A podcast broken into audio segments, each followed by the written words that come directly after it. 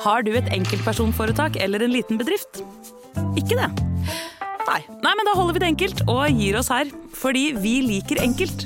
Fiken superenkelt regnskap. Bli med inn i hodet til John Ausonius. Bedre kjent som Lasermannen. Han nøt å se seg selv på nyhetene, men han var ikke fornøyd. Han skulle jo drepe.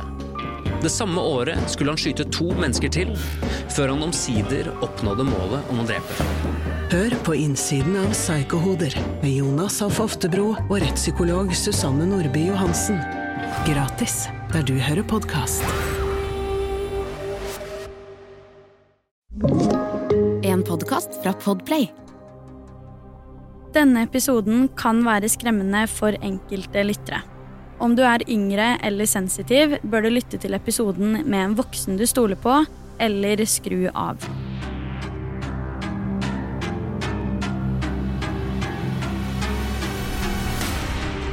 Can you tell me what's going on little bit? My daughter's been missing for the last 31 days. And you know who has her? I know who has her. I've tried to contact her. I actually received a phone call today. I did get to speak to my daughter for about a moment, about a minute. Do you have a name? Her name is Zenaida Fernandez Gonzalez. Det du hørte her, var stemmen til Casey Anthony, en mor som nylig har meldt datteren sin på tre år savna til politiet. Datteren er enda ikke funnet, og Casey er tatt inn til avhør på mistanke om omsorgssvikt. I denne ukens episode skal jeg ta for meg en sak som er litt annerledes enn de jeg pleier å ta for meg her, men den er likevel vanvittig interessant, og også en sak jeg vet at flere av dere har stor interesse av å høre om. Denne saken inneholder informasjon om et veldig lite og ungt barn, som du hørte i introen. Så dersom det er noe du kan trigges av eller lignende, så vil jeg anbefale deg å ta advarselen i begynnelsen av episoden ekstra på alvor. Jeg skal likevel forsøke å fokusere på gjerningspersonen akkurat i denne episoden. Casey Anthony er også kjent som USAs mest forhatte mor. Men hvem var egentlig Casey Anthony, og hva er hennes historie? La meg forklare. Casey Anthony ble født 19.3.1986 i Warren i Ohio. Foreldrene hennes het George og Cindy Anthony, og Casey har også en storebror som heter Lee Anthony. Faren til Casey jobba tidligere som politi, mens moren jobba i hjemmesykepleien, så dette her var i utgangspunktet en veldig vanlig familie med tilsynelatende gode moraler, i hvert fall etter yrket å dømme.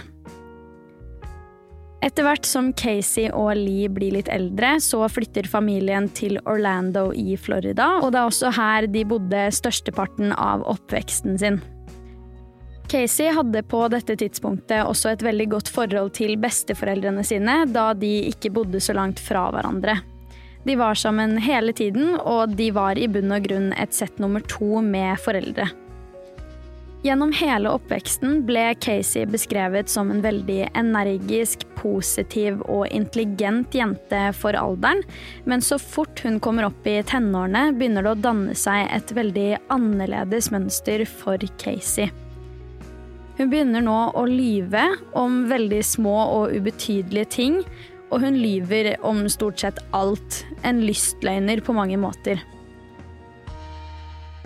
På hvordan de ulike kildene forklarer tenårene til Casey, så virker det som at hun nå har begynt å gjøre litt opprør mot foreldrene sine, samtidig som hun distanserer seg veldig fra dem.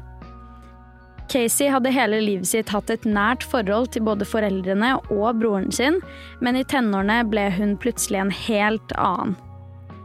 Hun slutta å fortelle om ting som skjedde i hverdagen, og hun ville virkelig ikke ha noe med familien sin å gjøre i det hele tatt. Dette til tross for at hun fremdeles bodde hjemme. Moren og faren til Casey har forklart at de gradvis mista kjennskap til datteren sin i tenårene, og til slutt kjente de henne omtrent ikke igjen. Foreldrene forsøkte å involvere seg i livet hennes, men Casey ga dem en isfront i retur, så det var rett og slett umulig for dem å vite noe som helst om livet hennes. Det var også i denne perioden Casey begynte å være med gutter, og foreldrene hennes har forklart i ettertid at de virkelig ikke ante hvem hun var med, hvor hun var, eller når hun var med dem. Dette var gjengangeren gjennom hele ungdomstiden til Casey. Datteren deres hadde plutselig snudd helt om, fra å være den varme og gode, familiekjære lille jenta, til å tilsynelatende ut av det blå ikke ville ha noe med dem å gjøre lenger. Men hvorfor?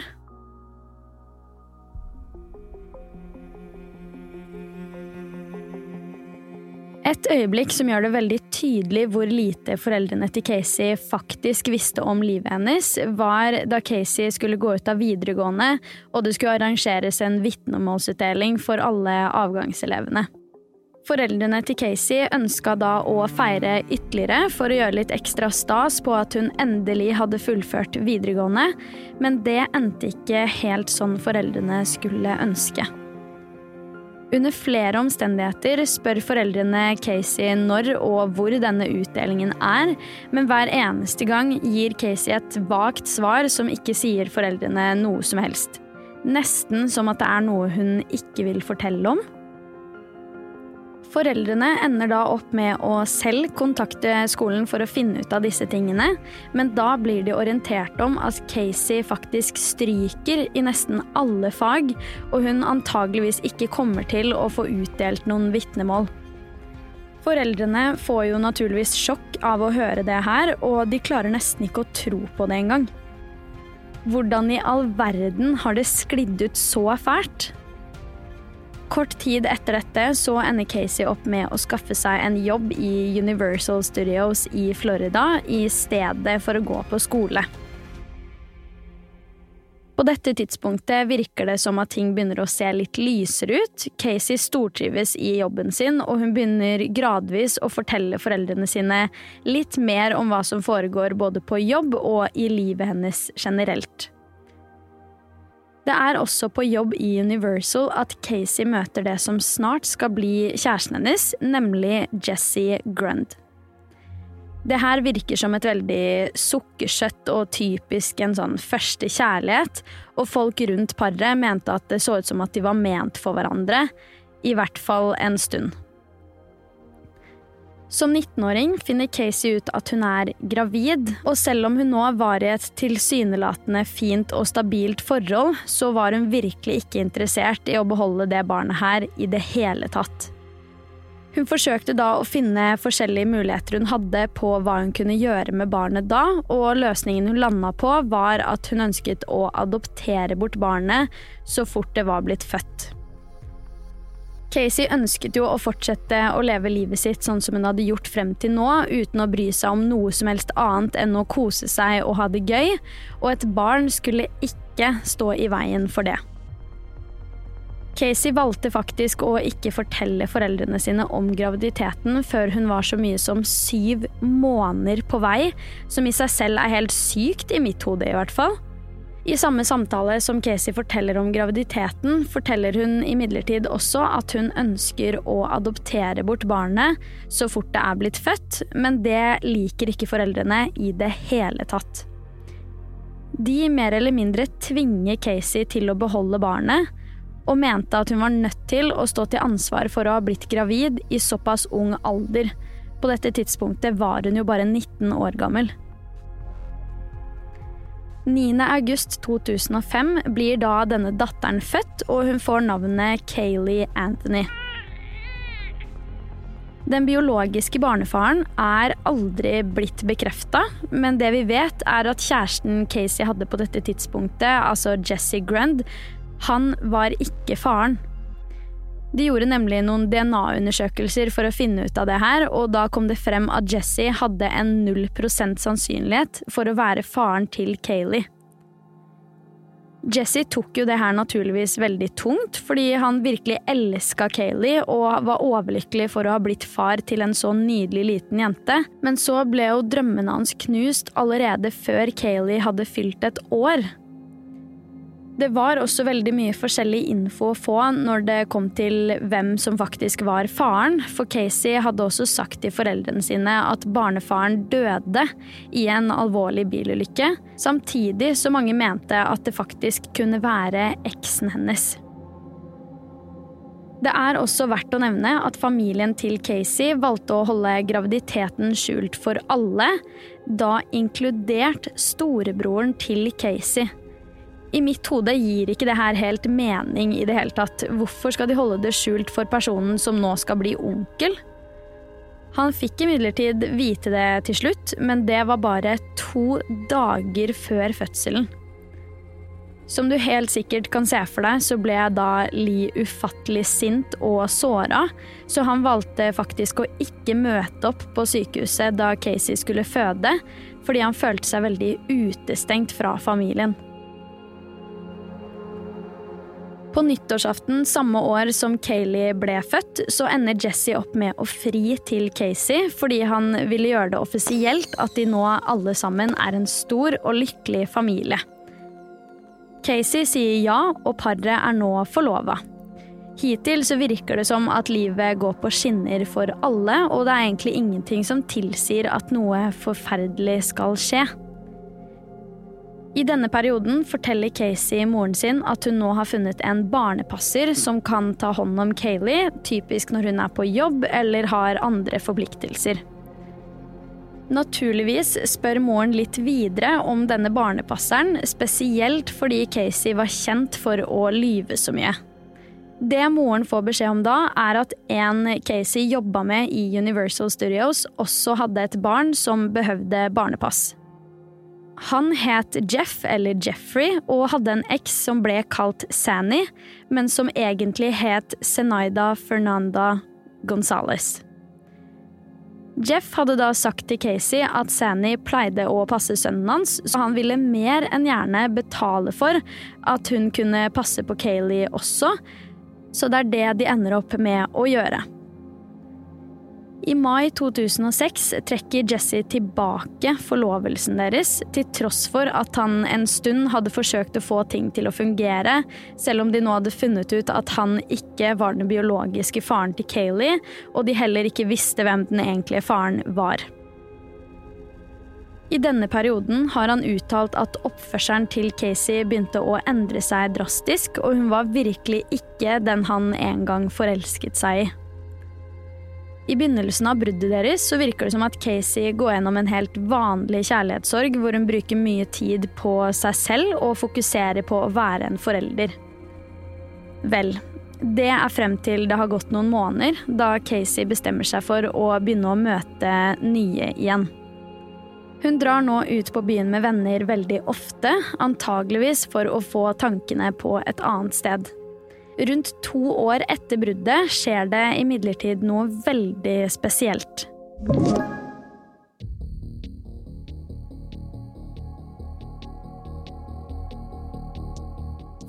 juli 2008 blir to år gamle Kayleigh Anthony, datteren til Casey Anthony, meldt savnet av barnets bestemor, nemlig Cindy Anthony. I rundt en måneds tid har det vært umulig for Cindy og George å i det hele tatt få kontakt med Casey, og de har heller ingen anelse om hvor Kayleigh befinner seg. Casey hadde sagt til sine nære at hun hadde noe jobb hun var nødt til å gjøre i Tampa, så hun skulle ta med seg Kayleigh dit. I løpet av denne måneden så hadde foreldrene ringt opptil flere ganger for å høre hvordan det gikk, i tillegg til at de ville snakke med barnebarnet sitt også.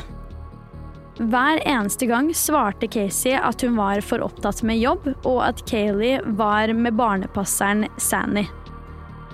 I løpet av en hel måned er det jo veldig spesielt å ikke ha litt tid engang til å snakke med foreldrene sine.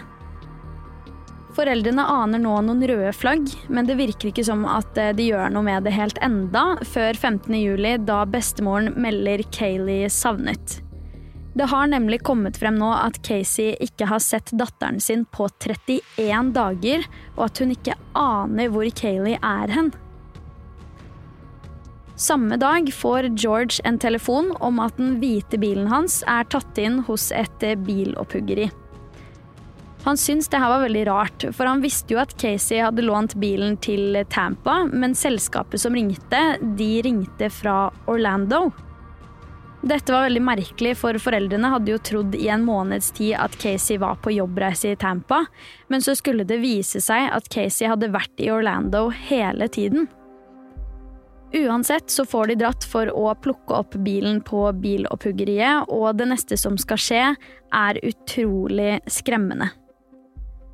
Som jeg nevnte tidligere, så jobba jo George Anthony tidligere som politi, så han hadde vært borti mye rart i forbindelse med jobben sin. Han har forklart at da de gikk gjennom bilen for å se hva som var i den, så oste det ut en stinkende lukt av bilen. Mer spesifikt sa han at det lukta som at et lik hadde vært inne i bilen, og at det hadde ligget der såpass lenge at det var i ferd med å brytes ned. De hadde også sjekka i bagasjerommet for å se om det kunne være noe der, men alt de fant var noen søppelsekker med masse søppel i. Etter hvert innrømmer jo som sagt Casey at Kayleigh har vært borte i en måned, og at grunnen til at hun ikke har meldt inn ennå, er fordi at hun heller ville lete selv for at det ikke skulle bli verre for Kayleigh. Hun tenkte at dersom hun sa ifra til politiet, så ville det være en sannsynlighet for at Kayleigh kunne bli skada av hvem enn det var som hadde tatt henne. Kort tid etter den første samtalen mellom Casey og moren, så har de en ny samtale. Her forklarer Casey at det faktisk er barnepasseren Sanny som har kidnappet Kayleigh, og at hun er klar over at det faktisk er Sanny som har henne. Her hevder også Casey at hun nettopp hadde fått snakke med datteren sin på telefonen i rundt ett minutt. Vi er nødt til å snakke litt mer om 911-samtalen da Cindy melder Kayleigh savnet. I denne telefonsamtalen med 911 operasjonssentralen kommer det frem at Cindy ikke har sett barnebarnet sitt på en måned, og forklarer at bilen til datteren hennes lukta som et lik på innsiden. Cindy forteller også til politiet at Casey har gitt mange forskjellige forklaringer på hvor toåringen er, og at Casey har sagt at hun ikke aner hvor datteren sin befinner seg, etter å ha ikke sett henne på flere uker. Du skal nå få høre et lite utdrag fra denne 911-samtalen. I called a little bit ago, the deputy sheriff. I found out my granddaughter has been taken. She has been missing for a month. We're talking about a three-year-old little girl. My daughter finally admitted that the baby's in the store. I need to find her. There's something wrong. I found my daughter's car today, and it smells like there's been a dead body in the damn car. Okay, what is the three-year-old's name? Kaylee, C-A-Y-L-E-E, E, Anthony. Haley Anthony? Yes, I have not seen her since the 7th of June. Is your daughter there? Yes, Can I speak with her? Okay, Santa Sheriff's Department, they want to talk to you. Answer the questions. Hello? Can you tell me what's going on a little bit? My daughter's been missing for the last 31 days. And you know who has her? I know who has her. I've tried to contact her. I actually received a phone call today now from a number that is no longer in service. I did get to speak to my daughter for about a moment, about a minute. Do you have a name? Her name is Zenaida Fernandez Gonzalez. Videre i denne samtalen hører vi Casey som blir kobla på til operasjonssentralen. I begynnelsen kan vi faktisk høre Cindy som er helt fra seg, og sier at de på operasjonssentralen vil snakke med Casey. Casey svarer da umiddelbart 'Jeg har ingenting å snakke med dem om'. Som i utgangspunktet er en veldig merkelig respons å ha når datteren din har vært borte i en måned, og du mener at barnepasseren har kidnappa henne. Jeg vet ikke helt, hva tenker dere? Jeg syns det er veldig merkelig, men også interessant å høre forskjellen på Casey og moren hennes i denne samtalen. Cindy er veldig åpenbart stressa og lei seg, mens på stemmen til Casey høres det ikke ut som at hun er litt brydd av hva det er som foregår engang. 11., 12. og 13. august 2008 ringer Roy Cronk til politiet og forklarer at han har funnet noen mistenkelige objekter i skogen, ikke så langt fra der Anthony-familien bodde. Politiet gjorde ingenting med den informasjonen her, men litt senere får de en telefon fra samme mannen igjen. Dette var da etter at Kayleigh offisielt hadde blitt meldt savna. Roy forteller nå til politiet at han har funnet det som ligner på en hodeskalle, liggende sammen med en plastpose. Kriminalteknikerne skal visstnok ha gjort noen undersøkelser, men da ikke funnet det Roy påsto at han hadde sett den dagen. 11. desember 2008 ringer Roy igjen til politistasjonen. Denne gangen tar politiet og kriminalteknikerne han enda mer på alvor, så de drar ut i skogen på akkurat samme sted. Nå finner de levninger av et barn liggende i en søppelpose. 19.12.2008 kan rettslegen Jan Garavaglia bekrefte at levningene er av Kayleigh Anthony.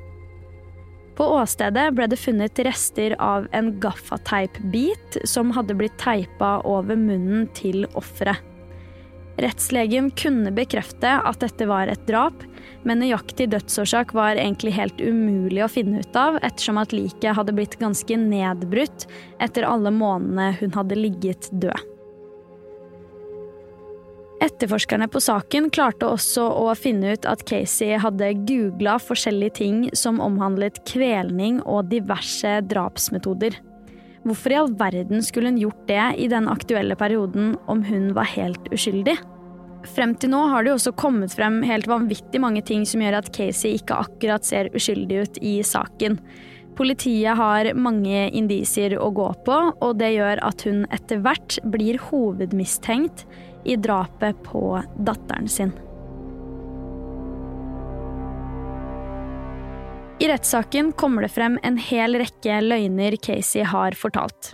Som du kanskje husker at jeg nevnte litt tidligere i episoden, så forklarte jo Casey at en kollega av henne i Universal, som het Jeff eller Jeffrey, hadde introdusert henne til Sanny, som da endte opp med å bli barnepasseren hennes. Vel, han ble dratt inn i rettssaken som vitne for å forklare sin side av saken. Hør på det her. How would you characterize your relationship with Miss Anthony? More or less acquaintances. Weren't very good friends? Not very good friends. Did you ever work at Universal Studios? I did. When did you work at Universal Studios? Approximately 2002. How long did you work there for? One year. Did you ever work there at the same time that Casey Anthony worked? I don't think so. Did you ever introduce Casey Anthony to a woman by the name of Zenaida Gonzalez? I did not. Did you ever use Zenaida Gonzalez as, as a nanny? No, sir. Do you have any children? No, sir. Casey Anthony ender opp med å bli dømt til fire år i fengsel, men ikke for drapet på sin egen datter. Hun ble jo tiltalt for drap og lyve til politiet under fire tilfeller, barnemishandling og drap på et barn, men det eneste av disse punktene hun faktisk ble dømt for, var å lyve til politiet under fire tilfeller. I januar 2013 ble faktisk dommen hennes endra, så det nå heller sto to tilfeller og ikke fire. Grunnen til det her var visst at de mente at det burde stått som ett punkt, men siden politiet mente at hun hadde løyet i to ulike avhør med mange timers mellomrom, så måtte det stå som to punkter. I dag forsøker Casey å danne seg en karriere som fotograf, og har selv sagt at hun trives veldig godt og gjør en god jobb. Til dags dato nekter hun for å verken vite om eller ha hatt noe som helst med drapet på Kayleigh å gjøre, og hun nekter også for at hun var en skikkelig festglad jente som gjorde alt for å leve det livet i den perioden hun ble mamma. Jeg personlig syns det her er en helt forferdelig trist sak, og det er vanskelig å forstå seg på akkurat hvorfor mennesker gjør ting som det her. Casey Anthony var jo kjent for å være en lystløgner, men hvorfor? Casey ble jo aldri dømt for å ha tatt livet av Kayleigh, men så er det jo veldig mye som peker mot at det kanskje er det som stemmer, i tillegg til at Cindy og George også tror at hun i det minste vet hva som skjedde med Kayleigh. Uansett så er jeg veldig interessert i å høre hva du tenker om den saken her, kanskje spesielt om skyldspørsmålet og dommen. Så hvis du har noen tanker og refleksjoner om det, så send det gjerne inn til meg på Instagram, der jeg heter Forsvinningsfredag. Du har hørt Forsvinningsfredag podkast med meg, Sara Høydahl, og dersom du vil høre om flere true crime-saker, så kan du også sjekke meg ut på YouTube, der jeg heter Sara Høydahl. Uansett så kommer det en helt ny Forsyningsfredag podcast-episode allerede neste fredag, og i mellomtiden, ta vare på deg selv.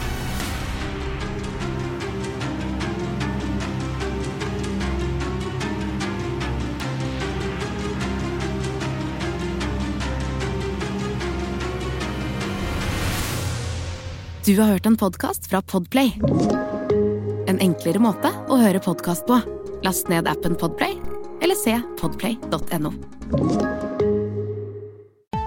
Å drive en bedrift uten regnskapsprogrammet TrippelTex er litt som å piske krem uten miksmaster. Det går jo, men det bare tar masse unødvendig tid. TrippelTex, det fleksible regnskapsprogrammet som forenkler hverdagen for over 100 000 fornøyde kunder. Prøv gratis på TrippelTex.no. Nå er det påskesalg hos Ark. Du får 30% på påskekrim og 40% på alle spill og puslespill. Jeg gjentar Ark har 30% på et stort utvalg krim og 40% på spill. Det er mye påske for pengene. Så hamstre påskekosen i nærmeste Ark-butikk eller på ark.no.